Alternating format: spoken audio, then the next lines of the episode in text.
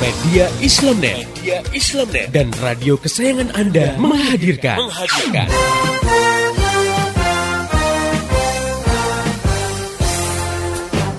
Voice of Islam. Voice of Islam. Voice of Islam. Bagaimana tidak nyaman misalnya ya kalau diterapkan hukum cambuk bagi peminum khamar sementara negara tidak menerapkan mekanisme yang melarang khamar masuk ke suatu wilayah Iya. dan diperjualbelikan. Artinya masih ada orang yang berjualan khamar dan akhirnya ada juga yang beli, akhirnya ada juga yang minum. juga Padahal yang- kalau minum dicambuk. Nah, Dicambuk. ini kan juga semacam dilema juga ya. Iya. Atau misalnya diterapkan hukum cambuk bagi yang melakukan pergaulan bebas. Nah, sementara negara sendiri tidak menghambat arus masuk pornografi dan porno aksi di suatu negeri. bahwa menangis itu yang dianjurkan nih di- dianjurkan itu menangis karena ingat dosa takut pada Allah. Nabi SAW itu pernah bersabda dalam satu hadisnya la yalijun nara rajulun baka min khasyatillah hatta ya'udal fil darra'i Nabi bilang tidak akan disentuh oleh api neraka seseorang yang menangis karena takut kepada Allah. Nah, tadi kalau misalnya cinta itu tidak didasarkan pada pemahaman Islam, emosional sifatnya. Ya kan? Iya, iya. Lagi disayang-sayang sama suami, dikasih hadiah banyak, beliin pakaian baru, Sayang. dibelanjain banyak, sayang. Sayang. Nah, begitu suami di PHK, nganggur satu tahun nggak dapat kerja, ini udah mulai mengikis.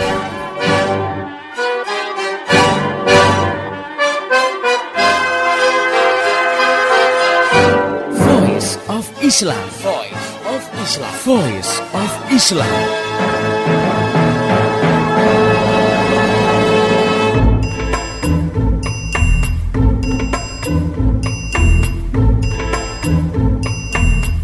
Halo Indonesia, Assalamualaikum warahmatullahi wabarakatuh. Jumpa lagi di sini dengan saya Tresna Sari dalam Voice of Islam. Kerja bareng media Islamnet dengan radio kesayangan Anda ini. Dan insya Allah selama 30 menit ke depan saya akan menemani ruang dengar Anda dalam rubrik Keluarga Sakinah. Seperti biasa pada hari ini saya selalu ditemani oleh seorang pakar yaitu Ustazah Insinyur Ratu Erma Rahmayanti. Beliau adalah pembina Forum Mar'ah Solihah Pusat Pengembangan Islam Bogor. Ya, langsung saja kita sapa beliau. Assalamualaikum warahmatullahi wabarakatuh. Ustazah, Waalaikumsalam warahmatullahi wabarakatuh. eh, gimana kabarnya hari ini? Alhamdulillah baik. Ya, baik eh, pendengar yang budiman. Insya Allah kali ini kita akan membahas tentang tema poligami solusi yang islami. Nah, eh, tema ini kami angkat berdasarkan beberapa layangan pertanyaan ya dari para pendengar yang ada di rumah. Baik, langsung saja Ibu ya dengan pertanyaan yang berasal dari Ibu Nita nih di Jombang ya. Apa kabar Jombang pada hari ini? Ya, pertanyaannya seperti ini. Assalamualaikum warahmatullahi wabarakatuh. Mohon dibahas lebih lengkap dan tegas tentang poligami yang islami sesuai dengan ajaran agama Islam. Terima kasih. Nah, demikian pertanyaannya. Baik, eh, saja silahkan untuk ditanggapi dari pertanyaan dari Ibu Dinita ini. Bismillahirrahmanirrahim. Pendengar yang budiman dan juga khususnya Ibu Nita di Jombang mengenai bagaimana praktek poligami yang islami, Allah telah menuntunkan hal itu dalam Al-Qur'an surat An-Nisa ayat 3. Nanti kita lihat ya, kita eh, bahas ya. A'udzubillahi minasyaitonirrajim. Bismillahirrahmanirrahim. Fankihu ma tabalakum minan nisa'i mathna wa thulatha wa ruba' fa in khiftum alla ta'dilu fawahidatan aw ma malakat aymanukum dzalika adna alla ta'ulu. Artinya fankihu maka nikahilah ma tabalakum wanita-wanita yang kamu senangi masna wa thulatha wa ruba. Dua tiga atau empat. Fa in khiftum alla ta'dilu kemudian jika kamu khawatirkan tidak dapat berlaku adil di antara mereka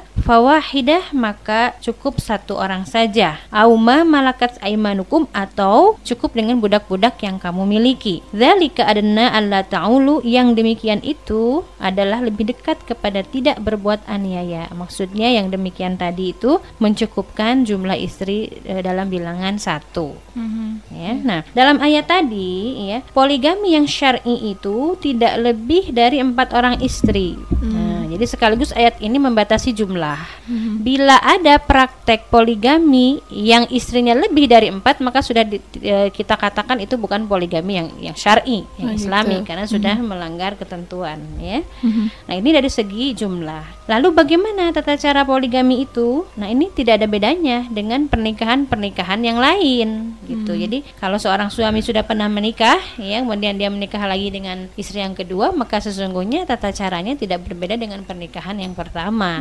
Ya harus ada akad dia akad nikah se- setelah sebelumnya ada proses eh, mengkhitbah ya atau meminta ya melamar pada pihak wali dari perempuan tersebut. Kemudian terjadi akad dan ter- tercukupi ya syarat-syarat sahnya ya ada wali ada saksi ada mempelai dan lain-lain. Maka sudah sah pernikahan tersebut. Ya praktek poligami itu sesuai dengan hukum syara. Nah, Demikian juga ketika ya se- suami ini sudah menikahi istri yang ke perempuan yang menjadi istri kedua, pada saat itu juga sudah melekat di dalam masing-masing mereka hak dan kewajiban yang harus ditegakkan dalam keluarga baru itu. Hmm, Ya, jadi gitu. suami punya kewajiban terhadap istri yang kedua Mhm. yang sama halnya dengan kewajiban dia terhadap istri pertama. Hmm. Nah, begitupun istri kedua mempunyai hak yang harus dipenuhi oleh suaminya. Begitupun istri pertama mem- memiliki hak yang sama untuk dipenuhi oleh suaminya. Hmm. Nah, seterusnya istri ketiga, istri keempat ya sama saja ya prakteknya seperti itu gitu. Nah, kemudian yang kemudian diingatkan oleh Allah ya bahwa penunaian kewajiban eh, oleh suami atau eh, dalam rangka memenuhi hak istri itu tidak boleh ada sikap membeda-bedakan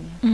Ya. Jadi tak umpamakan ya kita kait apa bandingkan dengan sejumlah bilangan. Kewajiban suami terhadap istri umpamanya ada 10 gitu ya. Mhm. Nah, terhadap istri pertama dia penuhi ke 10 ke, ke 10 sepuluhnya. Iya. Tapi kemudian ke istri kedua cukuplah tujuh saja. Nah, itu Hmm. tidak tidak dibenarkan. Penunaian kewajiban yang terkait nanti eh, dengan apa yang eh, suami itu sanggup untuk memenuhinya. Jadi dalam ke- lingkaran kemampuan suami untuk memenuhi itu secara eh, sama ya, secara adil ya di antara para istrinya gitu. Nah, kenapa diingatkan seperti itu? Karena kalau suami ketika sudah berpoligami tidak berlaku adil, ah, maka dia masuk ke dalam kategori aniaya atau zalim dan dia berdosa atas sikapnya itu. Nah, Hmm. Sehingga kemudian dalam firman Allah dalam ayat yang sama ya Allah mengatakan fa in khiftum alla ta'dilu fawahidah maka jika suami itu kha- mengkhawatirkan dirinya tidak bisa berlaku adil ya maka cukup dengan satu saja ya Nah, saya simpulkan bahwa sebenarnya eh, apa yang kita bisa pahami dari ayat tadi itu ayat tersebut membolehkan adanya poligami ya sekaligus membatasi jumlahnya ya. Tapi namun eh, ayat itu juga memerintahkan suami yang berpoligami itu berlaku adil kepada istri-istrinya dan ayat tersebut juga menganjurkan membatasi jumlah istri dengan satu saja. Ini dimaksudkan ya kalau eh, kondisi suami itu memang dia kan bisa mengukur ya saya mampu atau tidak sih berbuat adil itu. Nah, kalau pada saat dia ukur itu tidak mampu maka dianjurkan ya sudah satu saja. Nah, sikap dia memilih satu itu menjauhkan dia dari tindakan aniaya begitu. Iya, oke. Ini menarik sekali tentang permasalahan adil ya ibu ya. Kalau misalnya sekarang kan banyak para eh, wanita ataupun ibu-ibu ibu-ibu yang ada sekarang itu adil dari segi mana? Kalau misalnya masalah perasaan kan tidak bisa diadilkan, nah seperti itu ya. Nah ini bisa dijelaskan tentang permasalahan adil karena apalagi termasuk menyangkut tentang masalah perasaan kayak gitu ya. Mengingat ya heboh banget soal poligami ini gitu. Karena kata adilnya yang dipermasalahkan seperti itu. Keadilan dalam praktek poligami itu ya adalah keadilan yang bisa dilakukan atau dalam batas kemampuan seorang suami menunaikan kewajibannya ya. Seperti dalam hal ini memberikan nafkah ya kemudian membagi eh, malam ya eh, giliran dengan istrinya itu. Nah materi ya ma- materi yang eh, lainnya dan seterusnya ya itu dalam hal-hal yang eh, suami mampu ya eh, dalam batas kemampuan manusia untuk Oh, berbuat gitu. sama gitu. Nah, Mhm. Kemudian eh, Rasulullah SAW pernah mengungkapkan eh, dalam sebuah hadis dan ini juga eh, oleh sahabat Ibnu Abbas ya di- di- ditegaskan bahwa untuk dua hal tertentu memang manusia itu tidak mampu berbuat adil. Nah, apa itu? Yaitu cinta, kasih sayang dan giliran bermalam, maksudnya melakukan hubungan suami istri gitu ya. Nah, sehingga pada saat itu Rasulullah SAW berdoa kepada Allah ya ya Allah sesungguhnya ya aku pernah bersumpah untuk berlaku adil Mhm. ya. Tapi kemudian beliau juga e, berdoa kepada Allah, ya Allah sesungguhnya sumpahku ini adalah atas apa yang aku sanggupi. Oleh Hmm. karena itu janganlah engkau masukkan diriku ke dalam persoalan yang engkau sanggupi tapi aku tidak Hmm. e, memilikinya. Mhm. Nah, dalam hal ini dijelaskan oleh sahabat Ibnu Abbas radhiyallahu an ya hal-hal yang tidak mampu e, Rasul e, lakukan tadi itu adalah masalah kasih sayang ya Oh, dan gitu. e, hubungan suami istri. Nah, Hmm. Secara praktis memang kan begini ya. Misalkan seorang suami punya istri tiga. Nah, hari-harinya untuk masing-masing istri itu sudah diputuskan ya, disepakati bahwa tanggal sekian bersama istri pertama, kemudian tanggal sekian bersama istri kedua dan seterusnya. Nah, dan itu dipenuhi dan itu disepakati itu adalah hal yang sudah adil ya menurut eh, kesepakatan mereka. Akhirnya eh, suaminya menjalankan itu. Jadi tanggal sekian sampai sekian di istri pertama, sekian sekian di istri kedua. Tapi kemudian apakah setiap hari di mana hari-hari dia bersama para istri harus selalu dilakukan hubungan suami istri? Itu kan tidak bisa dipaksakan gitu. ya. Iya. Baik eh, sepihak suami maupun istrinya, Istrinya, gitu ya. Dan itu memang orang juga tahu bahwa saya tidak bisa itu kita harus sama rata gitu. Ya misalkan ditanyakan kamu berapa kali? Berapa kali? Kan satu hal yang Mm-mm. manusia tidak tidak bisa begitu gitu ya. dan memang manusia punya eh, kelemahan di, di sisi itu ya. Nah tetapi kemudian membagi harinya tadi dengan sama nah itu mampu manusia melakukannya ya atau dari segi materi ya eh, nafkah itu harus terpenuhi. Ini takarannya terpenuhi. Kan kita juga tidak harus dengan jumlah yang sama rata. Dari istri pertama dia punya anak empat dari istri kedua dua dari istri ketiga belum. Mm-mm, ya apakah jumlahnya itu harus sama Antara nominalnya istri- iya. maksudnya ya Mhm. yang karena ini sudah is- eh, anaknya empat sehingga sekian juta ini juga harus sekian juta ternyata tidak seperti itu tetapi bagaimana ukurannya itu adalah kebutuhan semua orang yang berada di bawah tanggung jawab suami itu terpenuhi secara ma'ruf Oh, dengan standar kelayakan Hmm, gitu itu Iya. Oke, ya subhanallah ya. Tadi bagaimana gambaran tentang poligami yang Islami ya. Ternyata tidak tidak menyulitkan ya maksudnya tentang keadilan itu sendiri ya tidak hanya dipandang dari bagaimana perasaan itu sendiri karena ternyata itu memang tidak bisa untuk dibagi secara adil gitu ya. Ini ada pertanyaan selanjutnya dari 0856 287 sekian sekian dan sekian.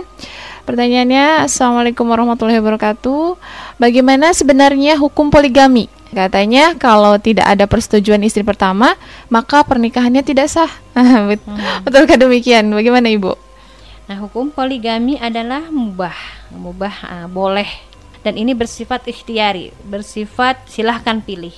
Mau poligami silahkan, tidak juga tidak apa-apa. Nah, itu gambaran hukum mubah tuh begitu pelaksanaannya ya. Nah, ini harus difahami sekali ya bahwa poligami itu bukan sunnah, bukan wajib karena sementara ini banyak orang yang berpendapat bahwa poligami itu seolah-olah hukumnya sunnah.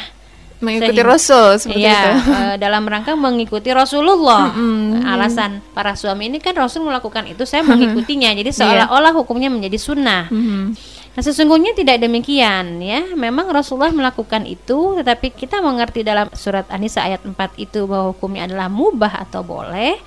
Maka ketika kita melakukan pilihan itu adalah berdasarkan pilihan bahwa memang hukumnya boleh untuk dilakukan dan kebolehannya mutlak, tidak ada syarat apa pun gitu ya. Nah, apalagi kemudian kalau kalau eh, berkembang gitu pemahaman bahwa poligami itu hukumnya wajib. Jadi harus gitu ya berpoligami itu Banyak istri yang marah itu. Ah, seperti itu ya. Nah, hukum mubah ini tadi itu ya. Silahkan kalau mau pilih poligami dilakukan, kalau tidak tidak apa-apa. Bukan berarti hukum dijelaskan hukumnya boleh dalam Al-Qur'an itu tidak berarti mendorong para laki-laki ini untuk melakukan poligami.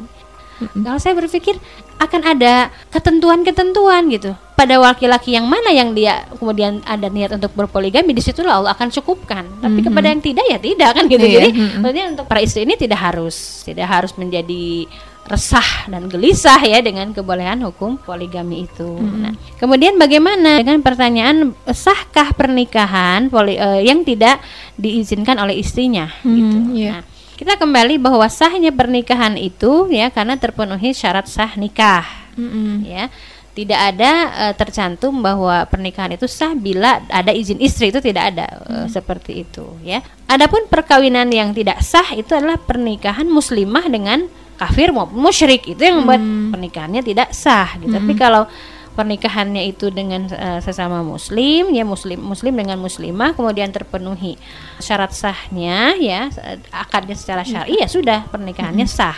Jadi tidak perlu uh, tidak ada begitu ya persyaratan sahnya nikah seseorang itu karena harus ada izin dari istri pertama gitu. Hmm, gitu. Mhm. Kalaupun sekarang ada ya entah itu peraturan pemerintah atau apa yang se- dan selanjutnya yang mengikat pegawai negeri ya untuk bisa berpoligami kalau ada surat izin Iya. itu tentu saja tidak datang aturan itu dari Allah. Mm. Itu aturan manusia gitu. Kabar gembira. Kabar gembira. Voice of Islam bagi-bagi hadiah. Bagi-bagi hadiah. Voice of Islam bagi-bagi hadiah. Assalamualaikum warahmatullahi wabarakatuh. Pendengar yang budiman, saya Latifah Musa mewakili seluruh kru Voice of Islam mengucapkan terima kasih atas perhatian, dukungan, masukan, kritik dan saran dari Anda. Untuk itu, izinkan kami mengungkapkan rasa terima kasih kami dengan memberikan hadiah kepada 20 orang pendengar terpilih. Pendengar yang budiman cukup mengirim SMS ke 0856 9492 4411. Ketik nama dan alamat lengkap Anda. Ketik juga nama radio kesayangan Anda ini berikut pada jam berapa Anda biasa mendengarkan acara Voice of Islam. Pemenang akan kami umumkan pada bulan Desember 2007 dan bingkisan hadiah bisa Anda ambil di radio kesayangan Anda ini. Kami berharap kehadiran Voice of Islam bermanfaat bagi kehidupan Anda dan turut memecahkan masalah-masalah yang mencekik bangsa ini. Dengan Islam, kita raih solusi untuk masa depan Indonesia yang penuh berkah. Mohon doanya, mohon dukungannya. Assalamualaikum warahmatullahi wabarakatuh.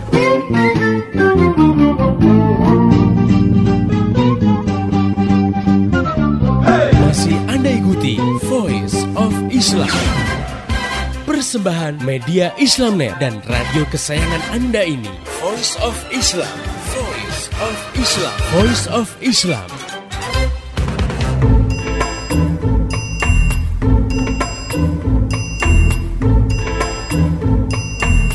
Masih di Voice of Islam, kerja bareng media Islamnet dengan radio kesayangan Anda ini. Ya pendengar yang budiman, kali ini kita sedang mengangkat tema tentang poligami solusi yang islami. Nah, ya, tadi kita sudah membahas ya dengan Ustazah Insinyur Ratu Erma Rahmayanti tentang bagaimanakah tentang hukum poligami.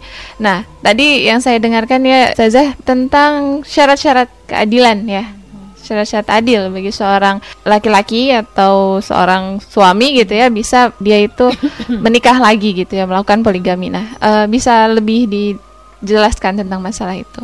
Baik, eh, pendengar yang budiman, adil ya dalam masalah poligami itu bukan syarat menjadi bolehnya berpoligami. Jadi adil itu bukan syarat eh, hukumnya menjadi boleh.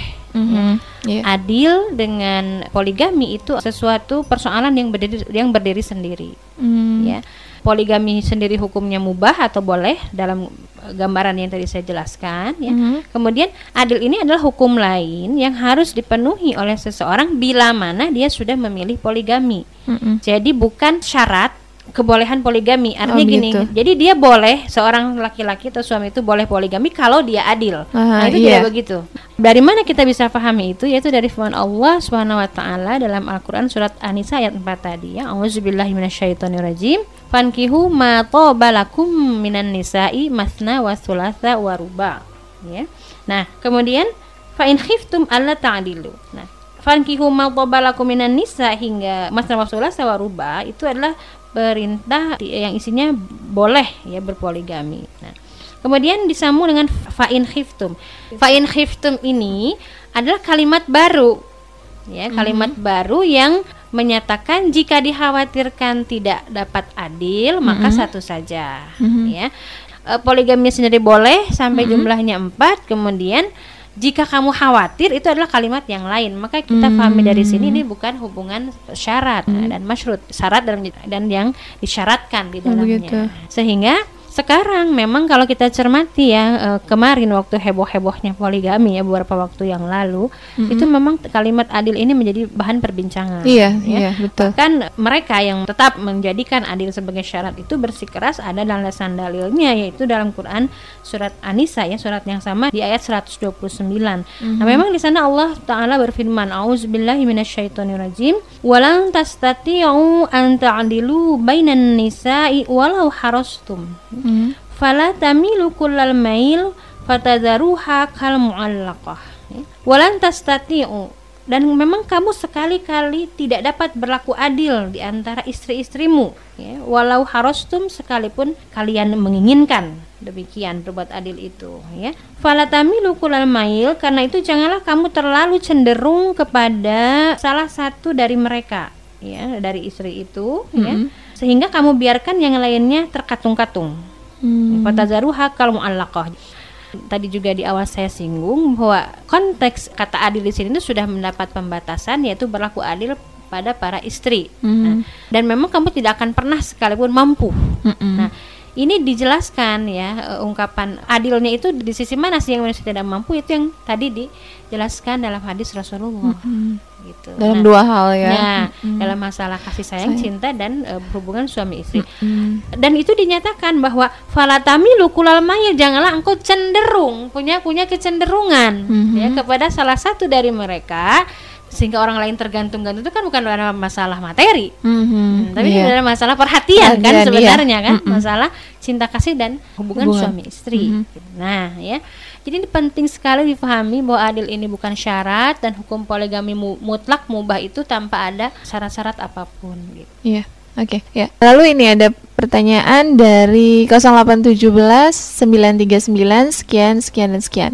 Pertanyaannya, Assalamualaikum warahmatullahi wabarakatuh. Ustazah, saya seorang ahwat berumur 32 tahun. Saya dilamar oleh seorang laki-laki yang sudah beristri. Beliau taat beragama, istrinya juga tidak mempermasalahkan. Maksudnya eh, jika beliau poligami gitu ya suaminya. Tetapi saya sendiri yang ragu, mungkinkah hidup berbahagia dalam rumah tangga yang poligami gitu. Mohon dibahas dalam Voice of Islam. Nah, bagaimana tanggapan Ustazah? Bismillahirrahmanirrahim. Agar kita tidak ragu, coba lakukan sholat istikharah dan sholat hajat yang intensif ya, sampai mendapat jawaban dari keraguan tadi itu. Apakah cenderung tidak ya kita menerima hi- pelamaran tadi atau justru jawaban dari sholat kita itu kuat untuk menikah. Nah, bahagia tidaknya na- eh, nanti pernikahan kita itu serahkan saja ya, dimunajahkan saja kepada Allah gitu, diminta karena sebenarnya kunci kebahagiaan rumah tangga itu ada pada Sang Pencipta. Ah gitu. Iya ya. Ya. Nah, itu jadi diminta dipasrahkan sepenuhnya bila memang ternyata Allah telah menentukan pernikahan itu. Mhm. Nah, dan kita juga harus yakin bahwa kalau itu sudah jadi ketetapan, ya tinggal tunaikan saja gitu hak dan kewajiban masing-masing pihak. Justru penegakan hak dan kewajiban di antara mereka itulah yang membuat kehidupan mereka itu insya Allah bahagia. Mhm. Kalau saya boleh ya eh, memberikan contoh gitu, ini tidak jauh ya eh, di sekitar rumah saya. Ada ibu, seorang ibu eh, yang menjadi istri ketiga. Nah, Subhanallah. Nah, suaminya sudah tidak ada, tapi beliau bercerita kehidupannya itu bahagia gitu. Bahkan hubungan dia dengan istri dengan istri-istri suaminya itu seperti kakak beradik. Wah, iya. Nah, kebetulan e, e, istri yang pertama itu tidak mempunyai putra, ya. Istri kedua punya tapi berbeda kota. Nah, istri ketiga ini mempunyai tiga orang putra, sehingga ketika istri ketiga ini melahirkan, yang membantu proses dan menemani itu ya istri pertama gitu, ya. Kalau mereka sakit saling pijit memijit, gitu. ya. Nah, Iya, iya. Sebenarnya ya tadi itu jadi kebahagiaan itu kita harus mintakan kepada Allah kemudian saya melihat bahwa suami dari ibu ini ya eh, almarhum itu kalau dari ceritanya dia dia tunaikan. Ini ini hak haknya suami eh, istri pertama dia tunaikan hak istri kedua dia tunaikan hak istri ketiga dia tunaikan. Hmm. gitu Iya. ya. Dan dan ternyata semuanya ya dia saling mengerti ya apa kewajiban yang harus dipenuhi oleh para istri ini terhadap suaminya gitu. Bahkan andaikan tiba giliran akhirnya subhanallah itu sehingga terjadi apa ya jadi mereka eh, saya contohkan gini mereka sepakat bahwa kalau melakukan hubungan suami istri harus di rumah masing-masing ngomongnya begitu ya. Jadi ketika uh, ibu yang istri ketiga ini sebenarnya dibagi gilirannya tuh giliran dia ya dengan suaminya itu tapi jatuhnya tempatnya di rumah istri pertama lagi-lagi berkunjung gitu. Mm. Istri pertamanya itu mengatakan gini, "Eh, ini kan giliran kamu," katanya. "Eh, sana mm. masuk ke kamar." gitu. Begitulah istri pertamanya yeah. gitu tapi istri ketiga ini enggak ah gitu saya tidak mau gitu ya mm-hmm. gimana gitu perasaannya ya saya ingin inginnya di Bogor di di rumah aja mm-hmm. nanti gitu itu itu luar biasa gitu kalau sudah dijalankan itu mm-hmm. insya Allah dan dan dan ibu ini ya bahagia gitu yeah, yeah. sehingga dia tidak setelah suaminya meninggal juga dia tidak berpikir untuk menikah lagi gitu karena sudah yeah, yeah. Ter, ter, terpenuhi iya gitu. yeah, jadi intinya kunci kebahagiaan itu mintalah kepada Allah gitu mm -hmm. Iya, ya itu ya mudah-mudahan uh, siapa pun yang ini yang 0817 939 dan sekian-sekian. Jadi nggak usah takut untuk menjadi istri kedua gitu ya. Karena insya Allah tadi serahkan saja kepada Allah kebahagiaan itu insya Allah Allah akan memberikan yang terbaik seperti itu. Nah ini yang terakhir kali ya uh, sesuai dengan tema kita tentang poligami solusi yang Islami. Nah itu gambarannya seperti apa gitu dengan kondisi kita yang sekarang banyak masalah tentang poligami itu diangkat bahwa itu hanya sekedar bawaan hawa nafsu semata saja gitu ya. Tidak akan menjadikan sebuah solusi dengan kondisi masyarakat yang belum mafhum gitu ya tentang Islam itu sendiri gitu. Karena banyak penyelewengan-penyelewengan tentang dari poligami itu sendiri. Nah, solusi ya kata solusi itu terkaitkan dengan mas, dengan kalimat persoalan atau masalah gitu ya. Mm. Ya kan solusi itu kan jalan keluar dari sebuah masalah gitu. Nah, kalau dikatakan bahwa poligami adalah solusi, berarti poligami ini sebenarnya hukum yang dapat menyelesaikan persoalan. Nah, mhm. persoalan mm-hmm. apa? Kita tidak pungkiri bahwa di kehidupan ya manusia ya di masyarakat itu ada realita yang menunjukkan bahwa seorang laki-laki ini ingin atau punya kecenderungan ya yang kuat mm-hmm. untuk beristri lebih dari satu orang kalau pemenuhan itu tidak bisa dicukupi oleh istri yang pertama, maka ada jalan keluar yang diberikan, ya, yaitu dia menikahi perempuan lain. Mm-hmm. Ya, jadi ini praktek poligami kan begitu. Yeah. Nah, bagi seorang laki-laki ini sebuah solusi atas persoalan yang dihadapi gitu. Itu kan e, faktanya ada. Kemudian secara uh, sosial bahwa para istri ya yang misalkan uh, ditinggal suaminya ya bercerai atau meninggal ya para janda ini dia kan tetap butuh ya nafkah, perlindungan dan lain-lain ya. Dalam kondisi kemudian jum anisbah antara laki-laki dan perempuan di suatu masyarakat itu lebih besar perempuan. Mm -hmm. Ini juga sebuah solusi atas persoalan tadi mm -hmm. ya terlebih di satu tempat yang di situ dilanda uh, peperangan mm-hmm. ya jelas kaum laki-laki banyak yang gugur ya. Para suami berarti meninggal kan ter- menyisakan janda-janda mm-hmm. dan anak-anak. Dalam uh, kondisi ini juga poligami adalah sebuah solusi. Nah kita bisa melihat ya bahwa poligami ini sebagai solusi yang islami ini bukan berarti kemudian ini menjadi sebab dibolehkannya poligami. Tidak. Ya ini hanya bisa kita tempatkan bahwa itulah ya ketika poligami ini dibolehkan oleh Allah di situlah berlaku dia sebagai solusi atas persoalan-persoalan yang tadi. Mm-hmm.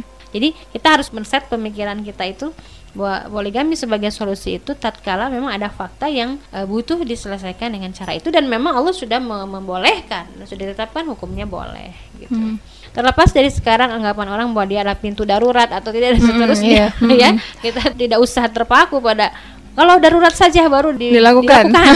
oh, ya ini siapa yang menentukan ukuran ukuran, ukuran darurat, darurat atau tidak daruratnya kalau nggak gitu. darurat gimana oh, gitu ya? daruratnya turun nah, kita cuma uh, kembali saja kepada hmm. kepada yang tadi bahwa uh, gini ya sederhananya ya nah ketika seorang suami ini ya dia sudah memiliki seorang istri kemudian dari segi finansial dia mampu mm-hmm. ya untuk menikah lagi ya berisi lebih dari satu kemudian dia juga dengan pemahamannya uh, yang yang utuh ya terhadap agama uh, Islam dan pelaksanaannya yang benar dia merasa saya saya saya bisa menjalankan mm-hmm. itu nah pada saat itu tidak ada masalah kan bagi dia. Iya. Mhm. Memang sekarang yang dipersoalkan ini adalah karena memang hukumnya boleh gitu ya. Mhm. Lantas poligami ini seperti eh, bursa gitu ya, seperti eh, sehingga dikit-dikit nggak cocok dengan istri dengan istri Yang pertama, cari yang lain. kawin padahal eh, membuat sengsara. Itu Iya, mungkin aha. tidak pungkiri ada ada kenyataan begitu. Sengsaranya istri-istri pertama, Pertama. yang Di poligami, ah, di ya, madu, dimadu gitu ya. Nah, kita tidak mungkin tapi persoalannya apakah menyelesaikan kesengsaraan para istri ini harus dengan mengganti hukum? Itu kan tidak tidak relevan, tidak match gitu. Mhm. Karena akar persoalan sebenarnya kenapa istrinya sengsara ya karena suaminya tidak tidak adil. memenuhi ya, Mhm. tidak tidak memenuhi hak dan kewajiban sebagaimana semestinya. Nah, karena dia tidak menjalankan itu, maka ya terjadi kesengsaraan itu tersebut. Nah, ya. lalu bagaimana solusinya? Harusnya solusinya adalah pemerintah atau negara ini mem- memberikan edukasi atau pendidikan kepada para suami yang berpoligami. Dididik aja eh, kamu kalau mau poligami itu begini begini begini kalau tidak nanti dihukum Ah, gitu. iya, iya. Begitu kan ada sanksi. Itu lebih lebih relevan Iya. ketimbang kemudian kita ngacak-ngacak hukum yang sudah jelas gitu. Iya. Itu eh, malah tidak tidak berkah gitu ya. Demikian. Iya. Subhanallah ya. Eh, mudah-mudahan bagi Ibu Nita dan pendengar yang budiman yang telah mengirimkan pertanyaan tadi, mudah-mudahan jawaban dari Ustazah dapat memberikan solusi bagi problematika pendengar yang budiman. Baik, saya Tresna Sari dan segenap kru yang bertugas pada hari ini mengucapkan terima kasih kepada Ustazah Insinyur Ratu Irma Rahmayanti atas penjelasannya Ya, sama-sama. dan juga pada pendengar yang telah setia mengikuti acara ini. Mari menimbang masalah dengan syariah. Wassalamualaikum warahmatullahi wabarakatuh. Demikian tadi Voice of Islam. Voice of Islam. Semoga hikmah yang terkandung bermanfaat untuk kita semua. Amin amin amin ya robbal alamin. Kembali bisa Anda dengarkan Voice of Islam. Voice of Islam menghadirkan topik-topik seputar kehidupan kita esok hari di waktu dan gelombang yang sama.